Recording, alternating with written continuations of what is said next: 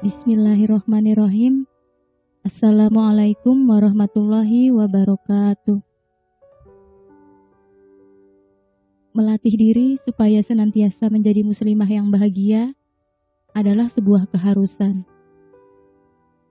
Berlatihlah setiap hari sampai kamu mahir melakukannya. Sebab manusia yang bahagia tentu dengan mudah mampu membahagiakan orang lain di sekelilingnya. Bahagia tidak selalu tentang harta dunia. Banyaknya harta bukan jaminan seseorang bisa gembira menikmati hidupnya. Apalagi jika selama hidup tidak pernah merasa cukup. Meski dia hidup dalam rumah mewah, harta melimpah, dan menjadi impian banyak orang, nyatanya orang yang tak pernah merasa cukup dan sulit bersyukur tidak pernah merasa benar-benar merasakan kebahagiaan dalam hidupnya. Jangan sampai kita menjadi salah satu di antara mereka yang kufur nikmat. Kesehatan, keluarga, jodoh, pendidikan, bahkan hal-hal kecil yang tidak terhitung adalah bagian dari rezeki yang Allah berikan. Andai saja Allah cabut satu saja nikmat dalam hidupmu. Semisal pagi ini kamu sesak dan tidak bisa bernapas, maka hilanglah kenikmatan dalam hidup yang selama ini tidak pernah kita syukuri.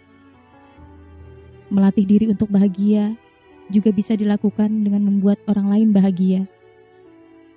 Meringankan beban saudara-saudara kita, membantu melepaskan kesulitan orang-orang di luar sana. Insya Allah, dengan cara itu, Allah akan melapangkan hatimu dan memudahkanmu untuk merasakan kenikmatan hidup yang tidak terkira.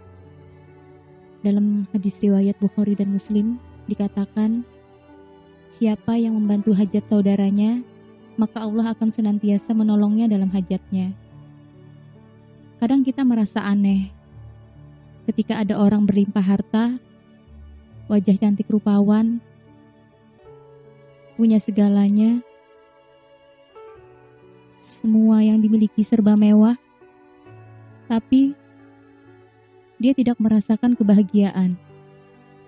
Sepertinya letak kebahagiaan seseorang memang bukan tentang seberapa banyak harta yang dimiliki, melainkan seberapa pintar kita mensyukuri pemberian Allah.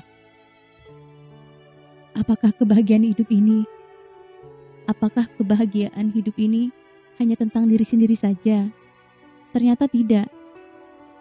Membahagiakan orang lain adalah cara kita untuk bahagia, terutama membahagiakan orang tua. Jangan dulu minder karena belum punya penghasilan, sebab orang tua tidak selalu menuntut itu padamu.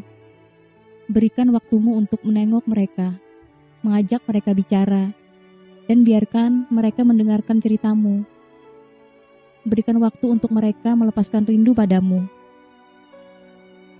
Kebahagiaanmu ditentukan juga saat Allah ridho padamu.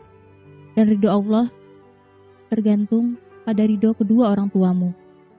Jangan sampai kamu kerja keras membahagiakan orang lain, tetapi kamu justru melupakan kewajibanmu membahagiakan orang tua. Muslimah yang baik paham akan kewajibannya dia tahu porsi dari setiap hal yang harus dilakukannya setiap hari. Antara hubungannya dengan Tuhannya, dengan orang-orang di sekelilingnya, termasuk orang tua. Serta orang-orang yang mungkin membutuhkan pertolongannya. Jangan menutup mata. Setiap dari kita punya kesempatan untuk memberikan kebahagiaan pada orang lain dalam bentuk apa pun. Tidak melulu dengan harta benda.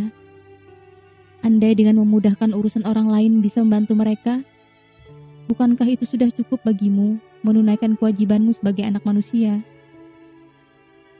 Andai kamu sudah bersyukur saat diberikan nikmat, andai kamu sudah mampu bersabar ketika ditimpa musibah, andai kamu sudah menyadari kesalahanmu dan senantiasa memohon ampun kepada Allah ketika khilaf, maka kamu sudah termasuk ke dalam orang-orang yang bahagia dalam hidupnya. Masya Allah. Hidup itu bukan tentang seberapa besar yang sudah kamu dapatkan, melainkan tentang seberapa banyak yang bisa kamu ikhlaskan. Wassalamualaikum warahmatullahi wabarakatuh.